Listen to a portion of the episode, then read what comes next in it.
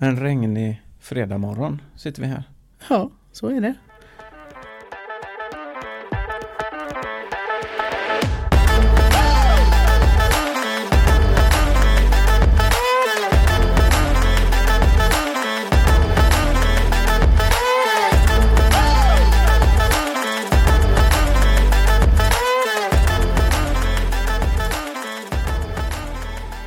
Välkomna till På väg till jobbet igen. Ja, För oss har det gått en sommar. ja, Men eh, för er som lyssnar så kanske det bara har hoppat några sekunder från det första avsnittet till detta. ja, eller ja, så kan det vara. På väg till jobbet är Vision Göteborgs podd om fackliga frågor Mm. som vi eh, själva spelar in. I Och- våran hemmasnickrade lilla studio på Stampgatan. Exakt. Vi eh, som sitter här och pratar, jag heter Tobias Rydén och har ett uppdrag i avdelningsstyrelsen. Och jag heter Kristina Ramstedt, kallas Kiki. Och sitter som ordförande för Vision Göteborg. Det är mycket mysigare här inne i studion än vad det är utanför fönstret. Det var väldigt fint väder igår och badväder och idag är det badväder oavsett om man vill eller inte kan man säga. Det som har hänt sen senast är ju att vi har haft semester. Det har vi haft. Det har varit skönt. Det har varit skönt, väldigt skönt. Eh, för mig så har jag, jag har ju varit i Sverige hela tiden och har eh, upplevt den regnigaste julimånaden sedan 1939. Eller jag har ju inte upplevt den. Jag var ju inte med 1939 men Sverige har genomlevt den. Ja. Jag har inte haft eh, det, ja, den fördelen eller nackdelen, vilket vi vill. Jag har befunnit mig på andra sidan jordklotet med väldigt vackert väder i fyra veckor. Mm. Sol och varmt och mycket bad. Jag är inte avundsjuk alls. Nej, Mm. Det som vi ska prata om idag är kanske inte så upplyftande till en början. Vi, Nej. ska prata om arbetsmiljö och den mörka sidan av det lite grann. ja men precis. Vi eh, ska vi börja i den änden vi hade tänkt att börja i att eh, det är väldigt många som jobbar i Sverige men det är ju tyvärr så att en del av dem råkar ut för ohälsa i arbetet och då kan det vara att man skadar sig, att man blir sjuk eller tyvärr också dör på jobbet. Ja. Och det är ju ungefär en person i veckan i Sverige fortfarande nu 2023 som faktiskt avslutar sitt, eller livet avslutas för. På grund, alltså direkt på grund utav arbetet. Man går Och till, olyckor som händer på arbetet. Precis. Man går till jobbet men man kommer inte hem. Nej. Och det kan ju vara allt från att man trillar ner från någonting och slår sig illa nog eller kläms eller ja. Mm. Vi hade ju bara i förra veckan en person som fick ett eh, elskåp över sig och klämdes ihjäl på grund Just av det. Ja. Och de här olyckorna är ju tragiska och visar faktiskt utredningar i väldigt stor utsträckning onödiga. Eh, om man, arbetsgivarna hade jobbat bättre med förebyggande arbetsmiljöarbete så hade det inte behövt hända. Nej. Det är, finns också ett visst mått av inom eh, vissa yrkesgrupper en kultur av att man inte tar arbetsmiljö på allvar riktigt. Ehm, och då ökar ju riskerna. Det vill säga att man följer inte arbetsgivarens eh, instruktioner för arbetsmiljö eller man följer inte lagar och regler. Nej. Och ska vi titta på de eh, mer liksom den branschen där vi befinner oss så det händer naturligtvis eh, fruktansvärt tragiska saker även eh, i, våra branscher eller för, Mm. för våra medlemsgrupper. Så som vi hade ju till exempel det här fruktansvärt tragiska mordet på ett HVB-hem. Mm. Eh, Mm. som inte är så jättelänge sedan. Eh, och det, det, det händer naturligtvis men det är inte så ofta vi eh, utsätts för eh, de här direkta skadorna som leder till, eh, till döden Nej, i våra arbeten. nej. Det är, alltså vi, Vision eh, organiserar ju tjänstemän och tjänstemän har en lite mer skyddad fysisk arbetsmiljö som vi säger då. Mm. Och, eller lite mer, den är ganska mycket mer skyddad än till exempel byggarbetsplatser eller lantbrukare. Eller inom transportnäringen är det mycket dödsolyckor. Ja. Men Och det här kommer det stora männet då. Det finns eh, tyvärr en elefant i rummet kan man säga. Ja. Och det är att även om man inte dör på jobbet just så kan det vara så att man dör på grund av jobbet. Och här lutar vi oss mot en undersökning som Umeå universitet och Arbetsmiljöverket gjorde 2019 som pekar på hur ohälsan i arbetslivet ser ut i Sverige. Och då har räknat schablonmässigt på hur mycket sjukdomstal och dödsfall faktiskt som orsakas av arbetet och delat in det i olika kategorier. Och här ser det då tyvärr ganska mörkt ut. Ja.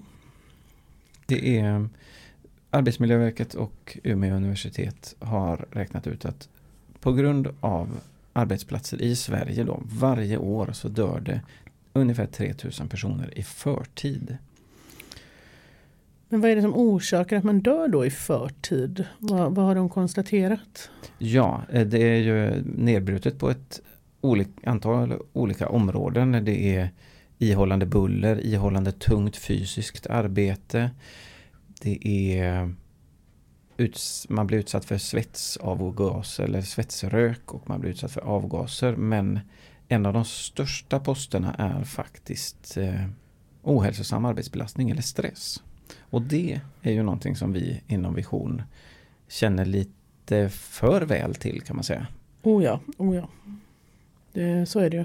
Stress är någonting som eh, vi ofta är inne och stöttar medlemmar som eh, är på väg tillbaka efter att ha varit sjukskrivna på grund av utbrändhet, utbrändhetsdepressioner, ja, mm. liknande tillstånd.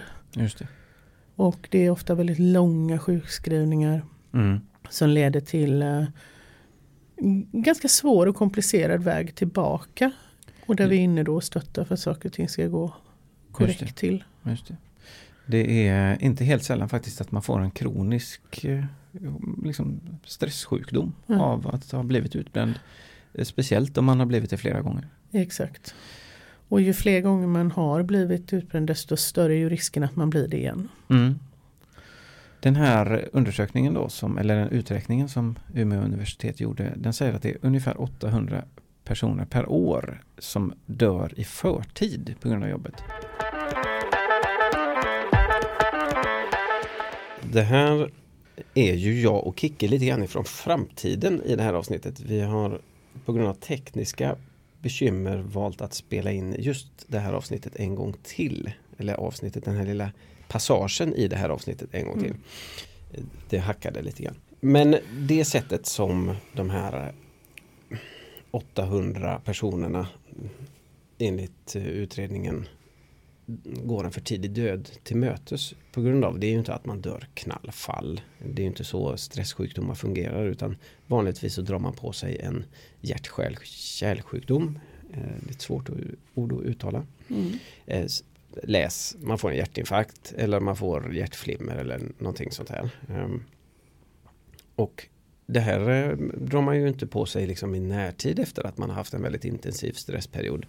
Utan det tar ju år och vanligtvis årtionden innan, ja. man, innan man får de här. Ja men alltså det är ju, det är ju liksom verkligen helt sjukt att uh, våran arbetsbörda kan, kan utsätta oss för den typen av stress. Men jag vet ju också att du är ju en sån här lite statistiknörd och älskar ju att titta på statistik och liksom gräva ner dig i det och, och sådär till skillnad från andra i vår styrelse. Så, så är du ju verkligen vän av statistiken.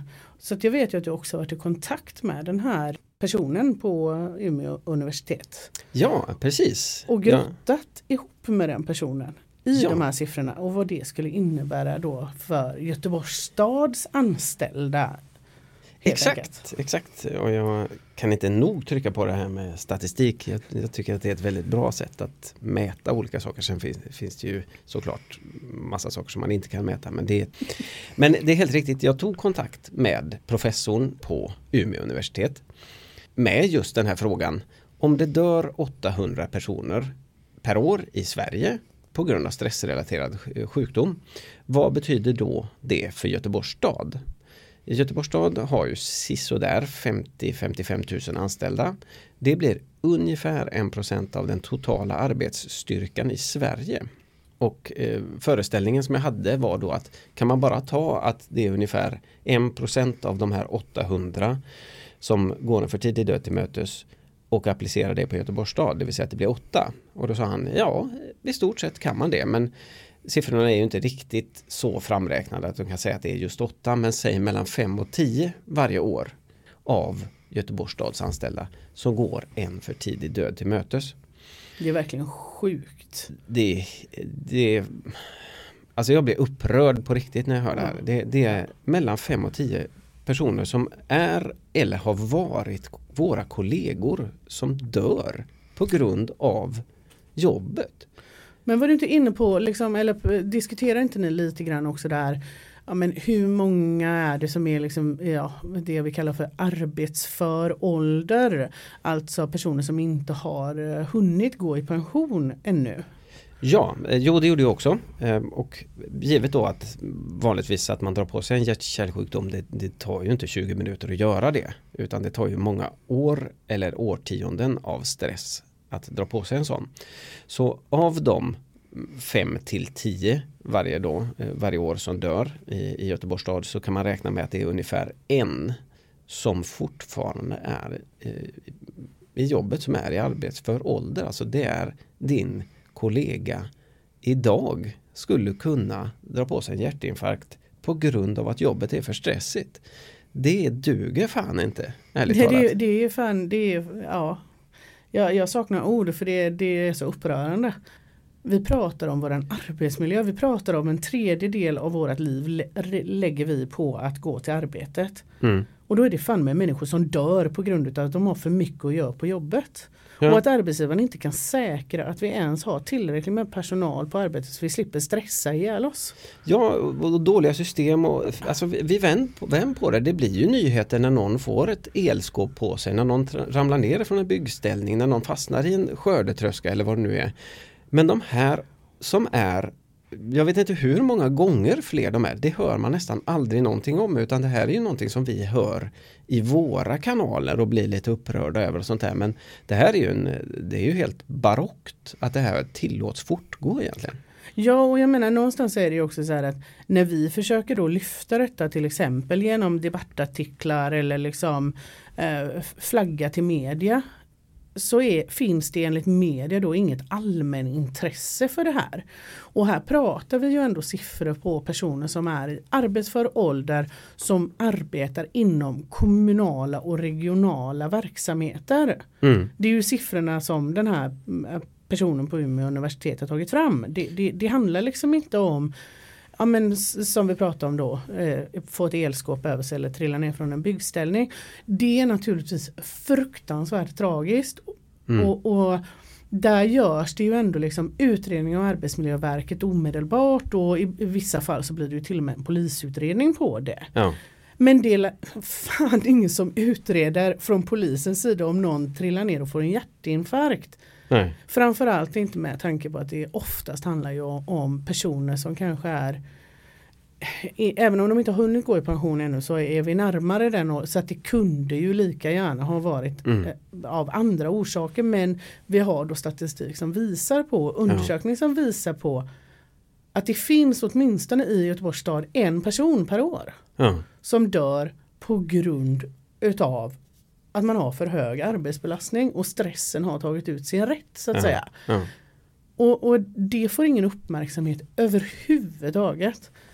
För det är lite grann samma couldn't care less. Ja, det är, det är förjävligt. Ja. Helt ärligt, det är förjävligt. Och ja, nej, det här duger inte. Och vi, vi i Vision, vi försöker ju lyfta den här frågan gentemot Göteborgs stad som arbetsgivare. Att det här måste ni ta på ett större allvar än vad ni gör idag. Och vi möts lite grann av döva öron. Mm, absolut, så är det. Det här sker och det här förekommer dagligen. Ja. Folk blir sjuka på grund av stress och den stressen leder till långvariga och allvarliga konsekvenser för den enskilda individen. Ja, det ska vi komma tillbaka till det. Ja, det är 800 personer som dör på grund av stressrelaterad ohälsa som man får på jobbet varje år i Sverige. Men man kan också räkna med, har jag för mig, i faktorer om 10 när det kommer till det här. Det är, säg att om det är 800 eh, personer eh, om året i Sverige så är det alltså 8000 som får livslånga men. Och i nedbrutet i Göteborgs stad då så betyder det att om det är mellan 5 och 10 som dör då är det mellan 50 och 100 som får livslånga men av sina stresssjukdomar. Det, ja, ni känner säkert till de här som har gått in i väggen och inte Alltså de klarar inte av sitt vardagsliv. Så pass många är det. Sen så eh, om du tar det gånger 10 en gång till så har du långvariga sjukskrivningar, det vill säga längre än två veckor. Eh, där du drar på dig en, en sjukskrivning där du, alltså du får mindre betalt under sjukskrivningen men du får också en kraftigt ökad sannolikhet att dra på dig en kronisk stresssjukdom på grund av det här. Det här duger inte. Vi måste formera oss på ett annat sätt när det kommer till kampen mot ohälsosam arbetsbelastning och stresssjukdomar. För att vi har inte råd att fortsätta. Vi har inte, vi har inte den, liksom, vi, vi kan inte göra så här mot oss själva och arbetsgivaren måste också se till att ge oss bättre verktyg som vi kommer till rätta med de här problemen. Och lite grann som jag brukar säga i de merparten av de här frågorna med då, ska jag anmäla eller ska jag inte anmäla? Det är bättre att du anmäler en gång för mycket än en gång för lite.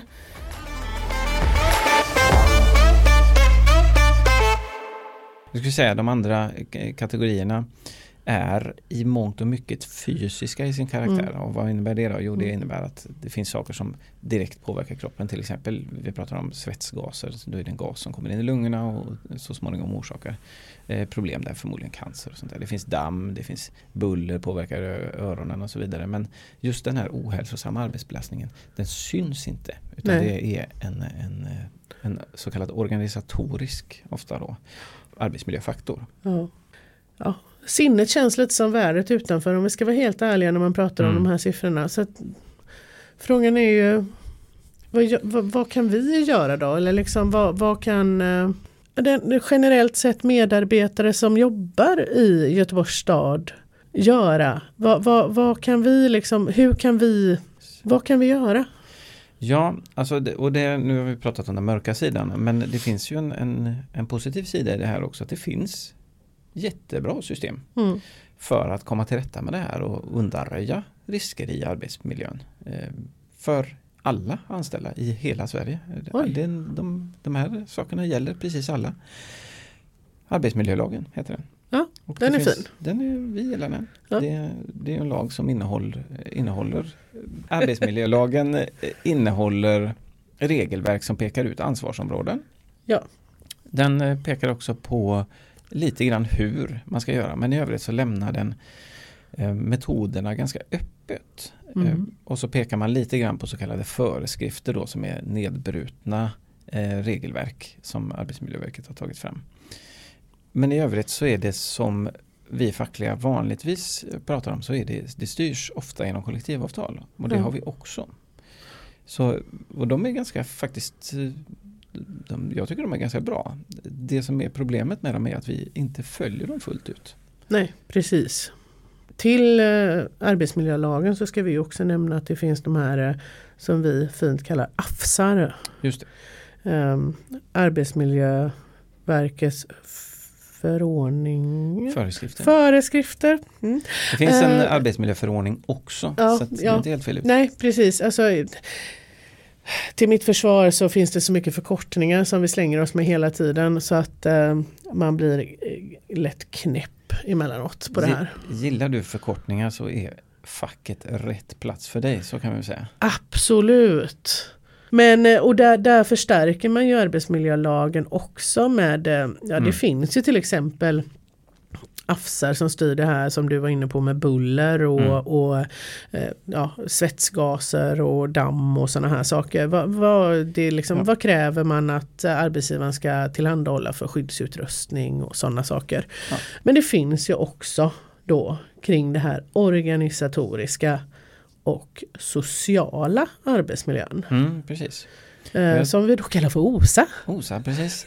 Jag tänker att vi, vi, om vi backar ett halvt steg tillbaka så arbetsmiljö känns ju för många som ett lite oformligt begrepp och många tänker mm. nog spontant på den fysiska arbetsmiljön. Det vill Ja. säga för oss tjänstemän så pratar man ofta om luftkvalitet. Vi pratar om till exempel sittställningar på våra skrivbordsstolar. Vi pratar om eh, alltså att det ekar eller vad det nu kan vara. Liksom. Handledsskydd för att man inte, ja, när man sitter vid datorn, särskilda musar, ja, det finns ju en uppsjö av och belysning och ja, Mm. allt vad det är för något. Den, även om det inte är den, den, kanske den största saken som vi pratar om för våra kontor är ändå i, i stort sett ganska bra utformade. Eh, det finns ju undantag och det finns eh, undantag både jättebra och jättedåliga. Men eh, överlag så är det väl ändå okej får man väl säga i Göteborgs stad.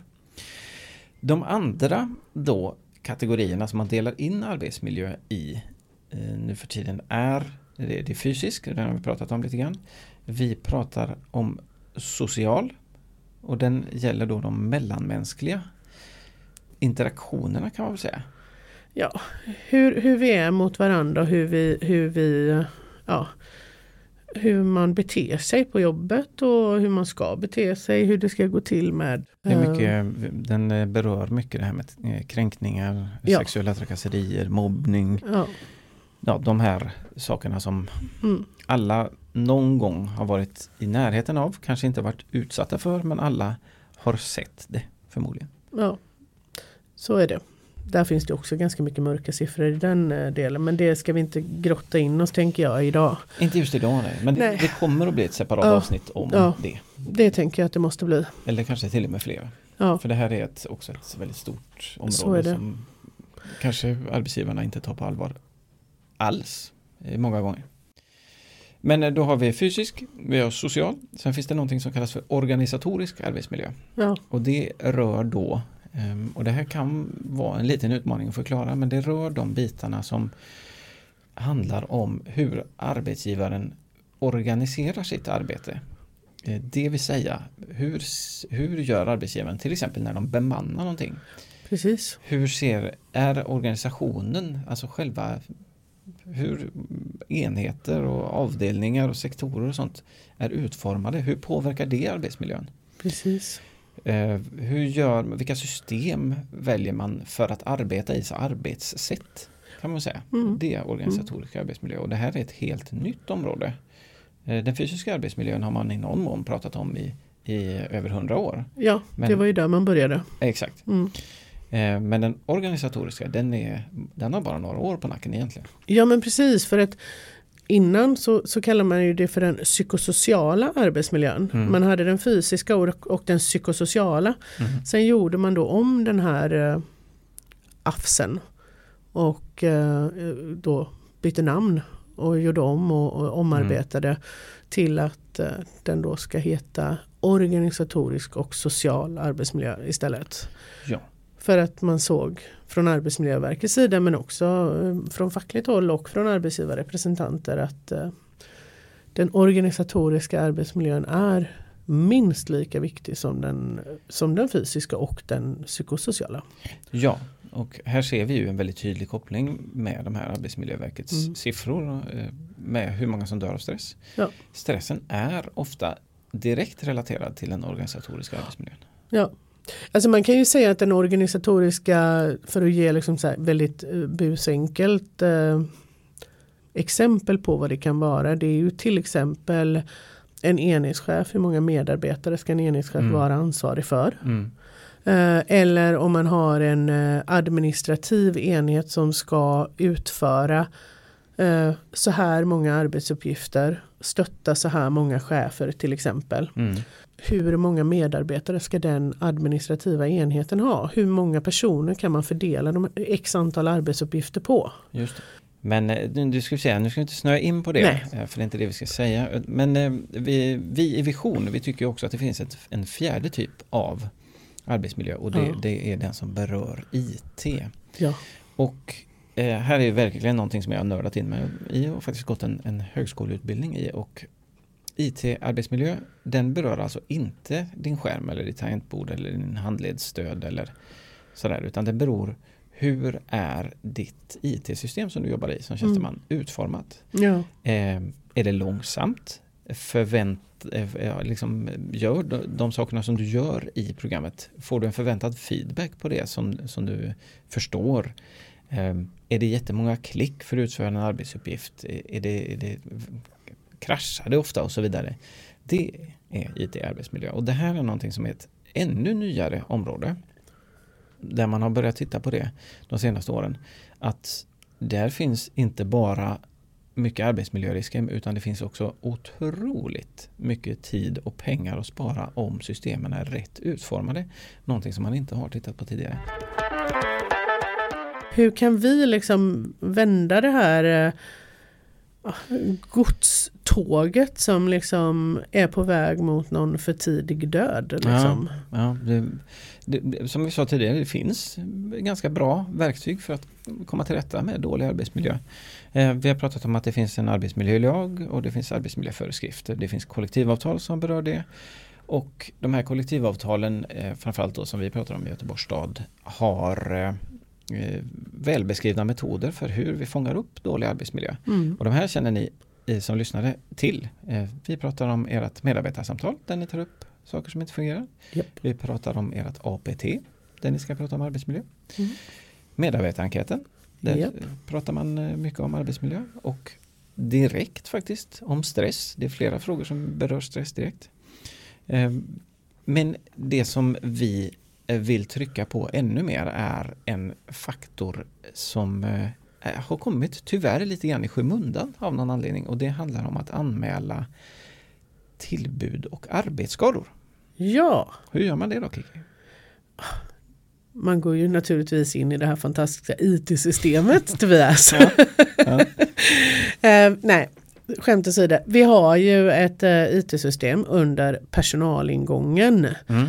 Till på exempel. internetet ska vi säga också.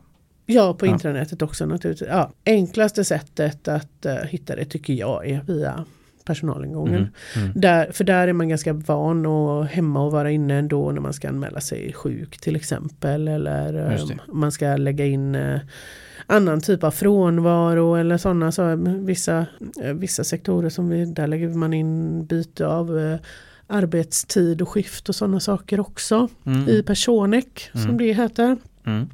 Men där finns ju det här systemet som numera heter IA. IA. Ja. ja. Det som tidigare hette Stella och Lisa. För er som eh, kommer ihåg de tiderna. Men det heter numera IA.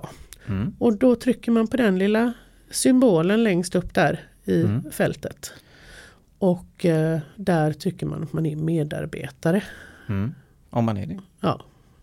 Ja, om du, även om du är chef så ska du väl göra det under medarbetare ja. om du gör en anmälan. Sant, sant. Sen har du en annan flik för det om du går in som chef för att uh, hantera medarbetares anmälningar. Just det. Ja, nu ska vi hålla isär äpplen och päron. Det ska vi göra, det var jag som tänkte fel. Men uh, vad är det man anmäler då? Ja men tillbud, mm. det är ju det som uh, man lite så enkelt uh, kan kalla och även Arbetsmiljöverket benämner som en oj-situation. Mm. Det vill säga att det har inte uppstått en skada. Mm. Men det kunde ha uppstått en skada. Mm. Och där är det ju lättaste att förklara uh, i den fysiska arbetsmiljön. Uh, till exempel, uh, ja, de flesta kontorslandskap idag har ju sådana här innertak. Mm. Och de här plattorna kan ju hamna lite snett ibland. Och uh, då kan det ju vara lite så här, oj då, där trillade den plattan ner. Precis framför mig eller bakom mig eller så. Mm. Jag kunde ha fått den i huvudet men jag fick inte det. Det. Oj, det Ja, och då blir det lite, oj då. Mm. Um, och sen har vi ju då, ja, när det kommer till den organisatoriska mm. så kan det ju vara att eh, ja, men jag ska jobba i det här IT-systemet. Men eh, det låser sig. Mm. Jag, jag, kommer inte in och göra det jag ska. Mm. Det är någonting som är kall på systemet så att säga. Och eh, jag får spendera x antal minuter med att ringa till Intraservice för att få någon form av svar på vad är det som inte fungerar. Just det. Just det.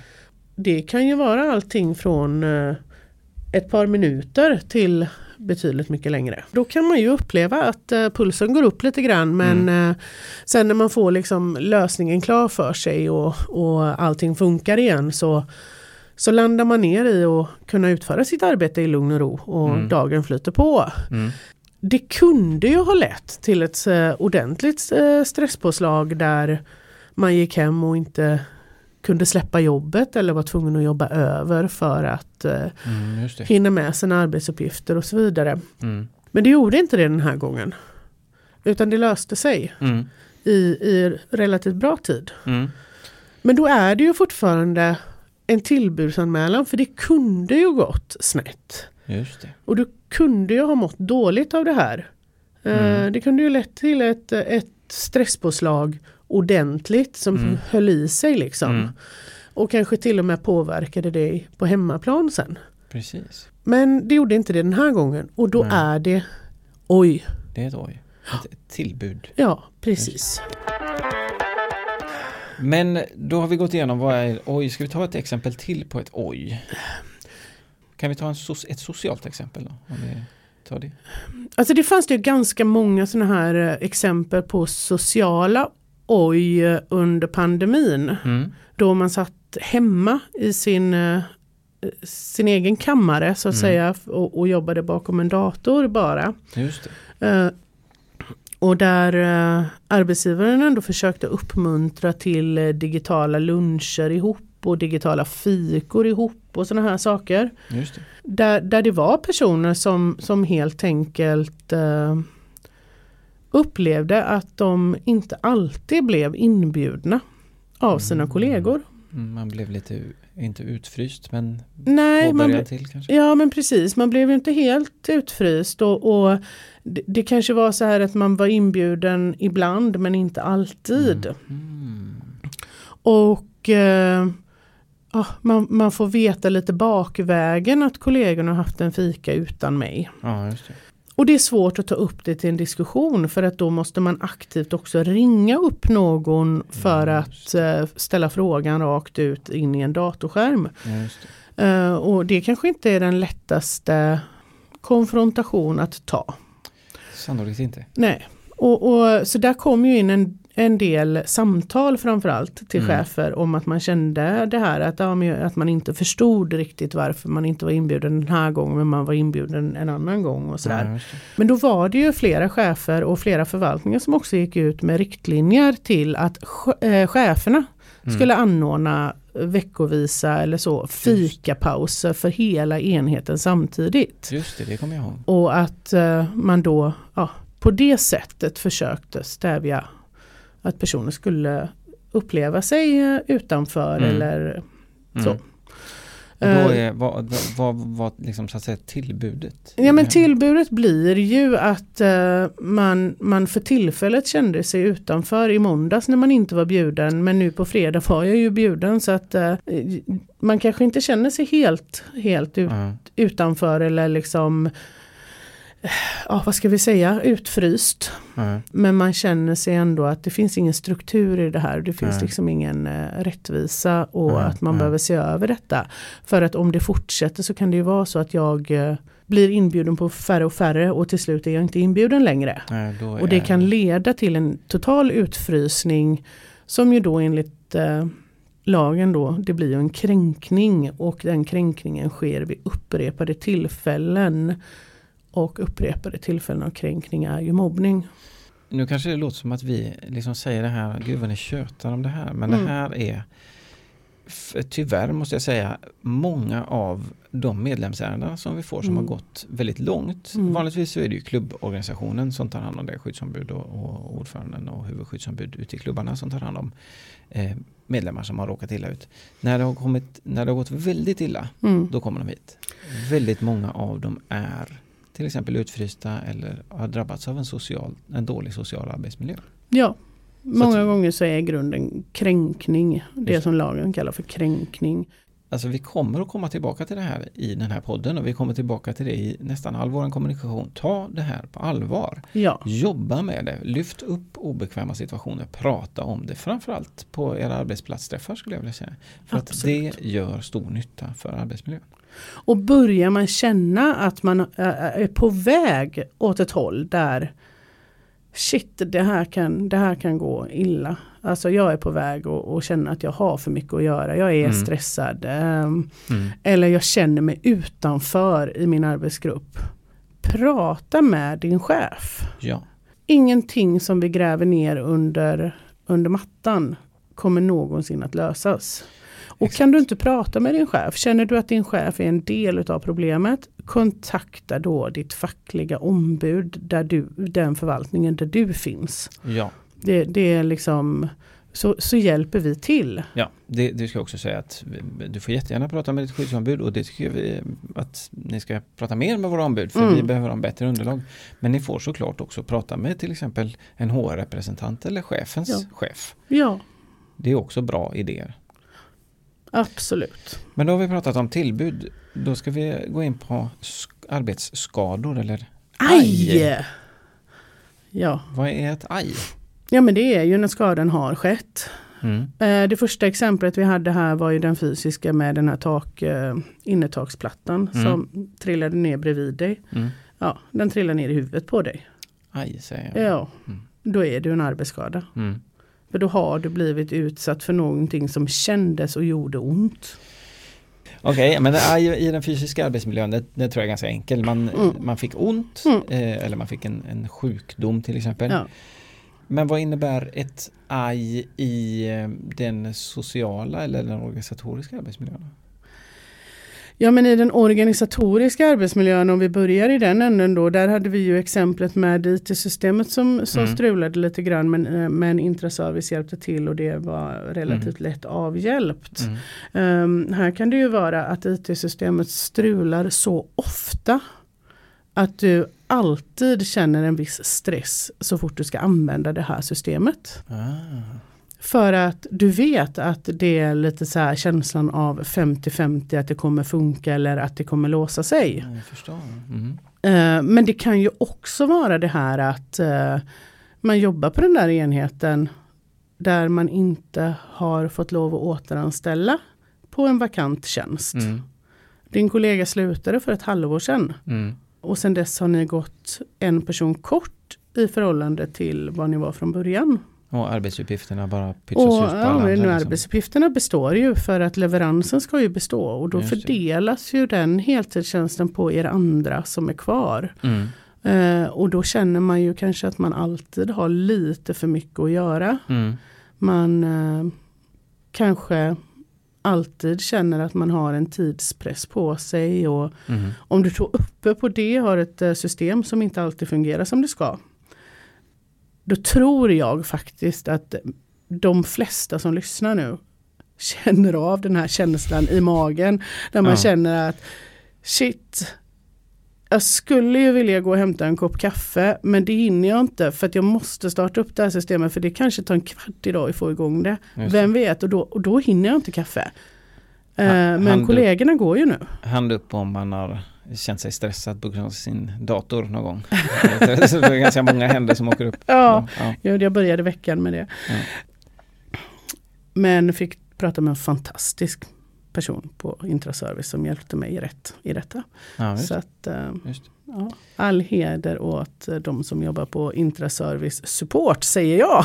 De äh, har, jag tycker de har väldigt hög kompetens också. Nej men alltså då, då har vi ju situationen här där man liksom känner att stresspåslaget kom ordentligt och man hann inte med den där fikapausen. Mm. Ja men då, då har det ju börjat göra ont. Just det. Då, då har du ju ett aj där. Mm. Om du då dessutom utöver detta går hem när din arbetstid är slut, kanske flexar eh, någon halvtimme eller så eh, mm. över arbetstiden mm. pratar vi nu då. Men när du kommer hem så börjar du att tänka, du står där och lagar mat till familjen, då börjar du tänka på ja imorgon måste jag lägga upp det på det här sättet och jag måste göra si och så här mm. för att jag ska Mm. få detta och gå. Då har du definitivt redan fått jätteont. Just det, när man Ja. blir så pass påverkad Ja. av jobbet på sin, ja, på sin lediga tid. Ja, sen kan det dessutom dras ännu längre till att du Ja men du har svårt att somna på kvällen eller du vaknar mitt i natten och tänker på hur du Mm. behöver göra för att lösa din arbetsdag imorgon. Mm. Då är redan skadan skedd. Just det. Då har du för hög produktion av stresshormon. Och sen finns det också en tydlig indikation på att man har för mycket att göra. Det är ju när man börjar bygga på i plusbanken i Flex. Ja, Ja men det kanske börjar med 10 minuter. Mm. Sen är vi uppe på 20. Mm. Och så blev det en halvtimme. mm. Och, och när fredag kommer så har du inte tid att gå hem tidigare. Just det. Utan om du har tur har du tid att gå hem när det är dags att gå hem. Just det. Hamnar vi där, då har vi definitivt en alldeles för hög arbetsbelastning för den tjänst vi har. Ja. För att om du tar 10 minuter per dag, Mm. hur mycket blir det på en vecka? Och hur mycket blir det på en månad? Ja. Och det är tid som, om du inte har tid att ta ut den någonstans, så bjuder du i slutändan arbetsgivaren på den tiden. Mm. För det är tid som du skulle ha fått betalt. Jag ska göra ett snabbt räkneexempel här. Är det 10 minuter om dagen och Mm. man aldrig kan ta ut sin flex. Vi Mm. har ju cirka 220 arbetsdagar på ett år. Det blir Mm. 2200 minuter. Eh, vad blir det i timmar? Det blir ju liksom det blir dagar Ja, som man egentligen borde ha varit ledig. mm, Det är alltså fler arbetsdagar per år mm, med 10 minuter extra om dagen. mm, Det, det är små grejer under lång tid blir stora Mm. grejer. mm. Men eh, det som jag skulle säga var, ja men då går jag, jag upplevt ett aj eller ett oj, då startar jag IA och sen, Så fyller du i. Det, det, det står på varje rad vad de vill ha för information var. mm, Eh, och i början så är det ganska eh, så simpelt. v- vem är du som anmäler och vilket datum hände den här incidenten? mm, Och ibland kan det ju vara så att ja, men det har inte hänt under en dag utan det har hänt under en tidsperiod på en, två veckor. mm, Och då går det att fylla i eh, att det är en tidsperiod mellan eh, viss, två datum. ja Liksom. just det, just det. Men och då, det finns också ett antal olika kategorier vad som Mm. hänt. Ja men precis. Och då är det, nu kan inte jag dem sådär liksom på mina så fem Nej. fingrar i huvudet. eh. Men det är ju lite så här, är, är det fysiskt eller Mm. är det organisatoriskt eller har du blivit utsatt för kränkning eller Mm, sådär. Och det, det också finns ju med att om du har blivit utsatt för kränkning eller sexuella trakasserier till exempel. mm, Då kan du också fylla i att du inte vill att din chef ska kunna läsa. mm, Utan att den går direkt till överordnad chef. Till exempel om det är din chef som är, Ja, det är ju för Mm. att skydda dig som anmälare. Om du har blivit utsatt av din chef så ska du även i systemet kunna anmäla din chef Ja, där. ja. Utan att din chef får tillgång till att läsa hela din anmälan. Just det. Och du ska också säga att i, i hela det här, om du känner dig otrygg med att göra en, en oj eller en aja-anmälan, ett tillbud eller arbetsskada, så prata med ditt skyddsombud först. Ja, De kan sitta med bredvid. Skyddsombuden har tystnadsplikt gentemot dig. De Ja. alltså får inte vidarebefordra det du säger till dem. sen är det så här att eh, em, det här systemet är ju inte, det är ju fortfarande ett IT-system. Mm. Och jag vet att det har varit lite barnsjukdomar som man kallar det för Mm. eh, i början av, med det här att det inte riktigt har fungerat när man har skickat eh, anmälan till överordnad chef eller Just det. chefens chef då. Och känner man sig osäker på det eller känner man sig otrygg med det så, så kontakta lokala styrelsen på förvaltningen och ett huvudskyddsombud där. Så går det att göra det via papper och, Ja. och liksom skanna in och mejla eller bara skriva det i ett Word-dokument och skicka in. Eh, men kontakta då så att, liksom, så att man är säker på att man får med allt man behöver ha med. Och har man blivit utsatt för trakasserier eller de, de här kränkningar eller de här delarna Mm. så skulle jag absolut rekommendera att ta med en facklig representant så tidigt som möjligt. Ja. För det stödet kommer man att behöva under vägens gång. Ja, eh, och det, det är ju inte för att vi vill svartmåla arbetsgivaren utan Nej. det är egentligen mycket för att det råder mycket okunskap Mm. runt de här frågorna. Oh ja.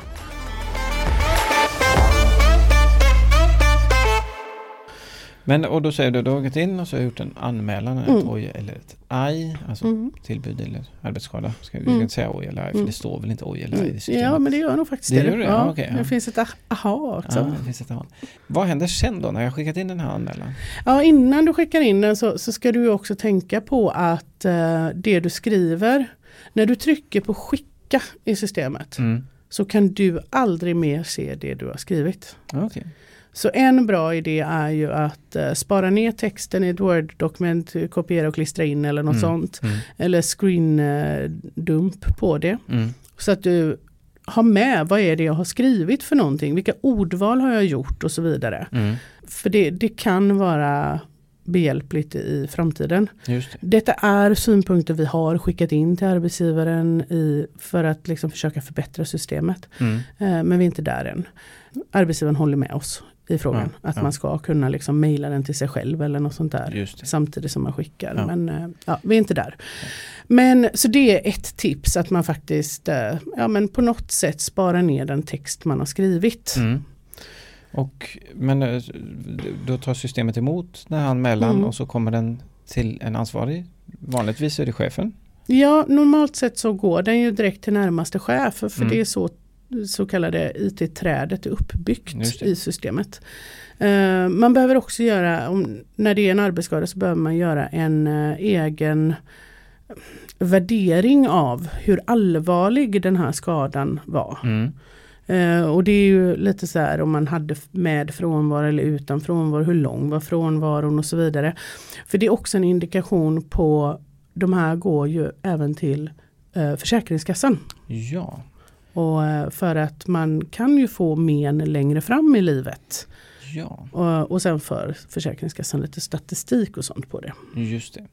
Och nu, nu har vi kommit till, eh, det landar i, hos chefen det här. Eh, Mm. Och då ska ju chefen såklart göra någonting för att kanske avhjälpa problemet Ja. eller se till att eh, det startar en, eh, en process med företagshälsovården eller att Mm. man köper in någon ny utrustning eller vad det nu kan vara. Skyndsamt så ska ju chefen kalla på ett samtal för att påbörja en utredning av vad chefen behöver göra för Just det. insatser. Just det. det är inte 100% så, vill vi vara väldigt tydliga med att vi förväntar oss inte att chefen ska lösa problemet själv. Nej. Utan chefen ska se till att göra någonting som förmodligen har effekt på problemet. Ja, Och nu börjar vi närma oss slutet här men mm.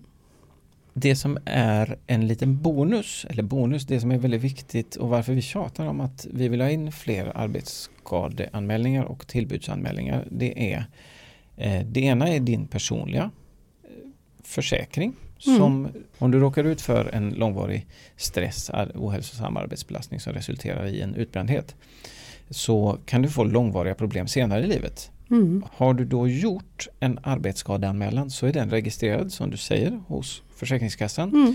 Då kan AFA som är vårt kollektivavtalade försäkringsbolag se det och om du sedan upplever problem i livet och det här kan ju vara många årtionden senare Mm. så kan du få utbetalat pengar Mm. för att du har skadats på arbetet. Mm.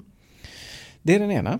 Den andra är ju att det förs ju statistik på antalet anmälningar, antalet tillbud, antalet arbetsskador inom varje verksamheter.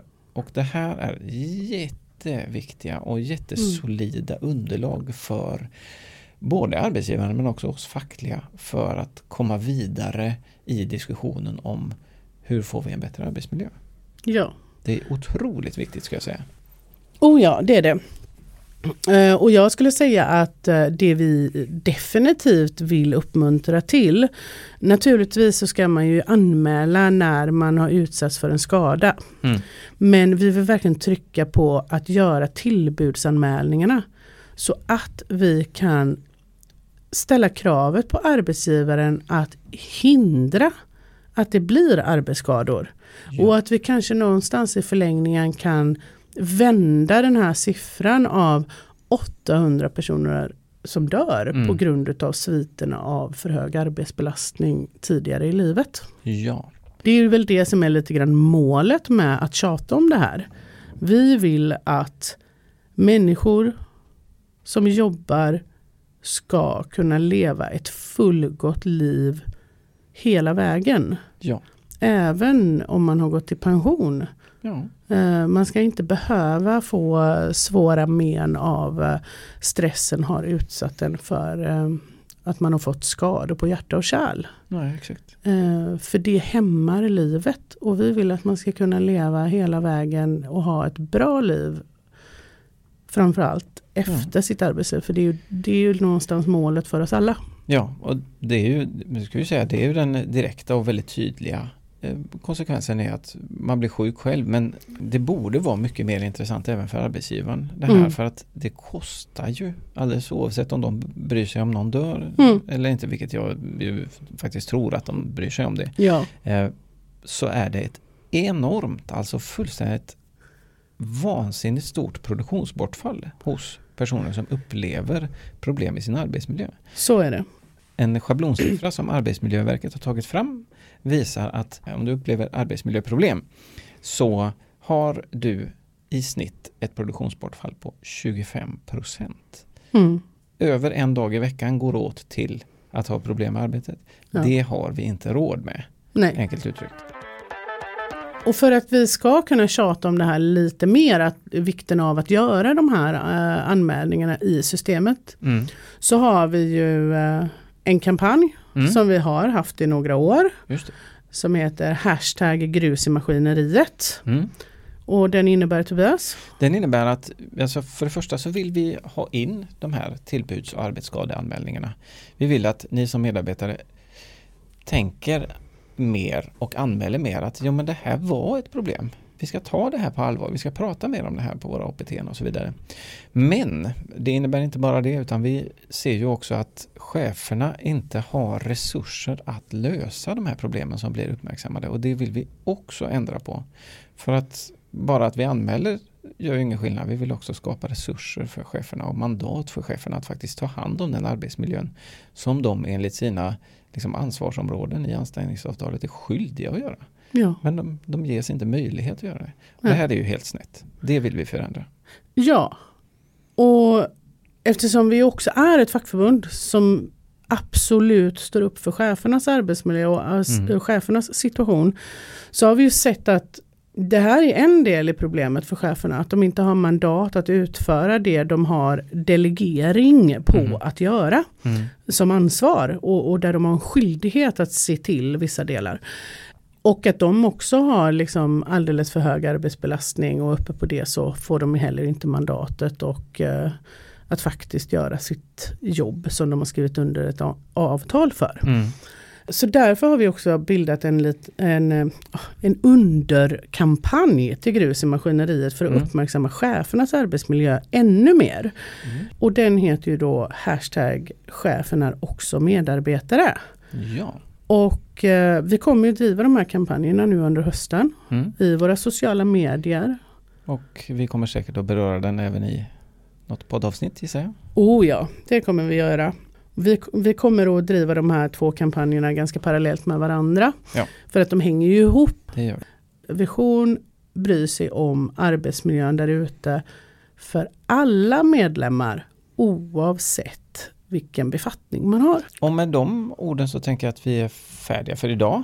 Ja, Men vi ska avsluta med att jag tackar för att ni lyssnade såklart men också säga att ni eh, borde, säger jag, borde följa oss på sociala medier. absolut. Och hur gör man det då Kiki?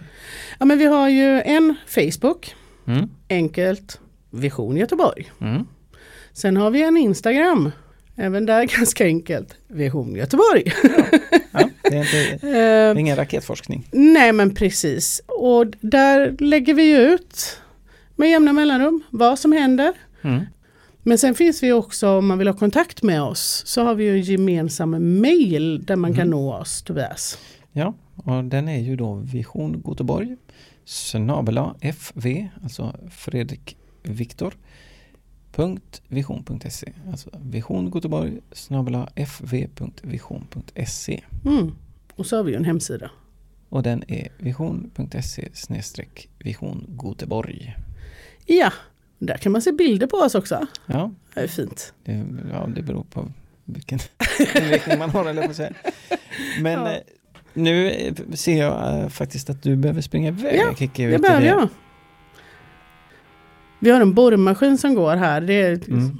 Så vi får ta en, en liten konstpaus en gång var typ tredje minut. så är det någon som borrar i väggen.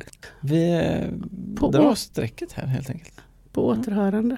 Tjingeling. Tjingeling.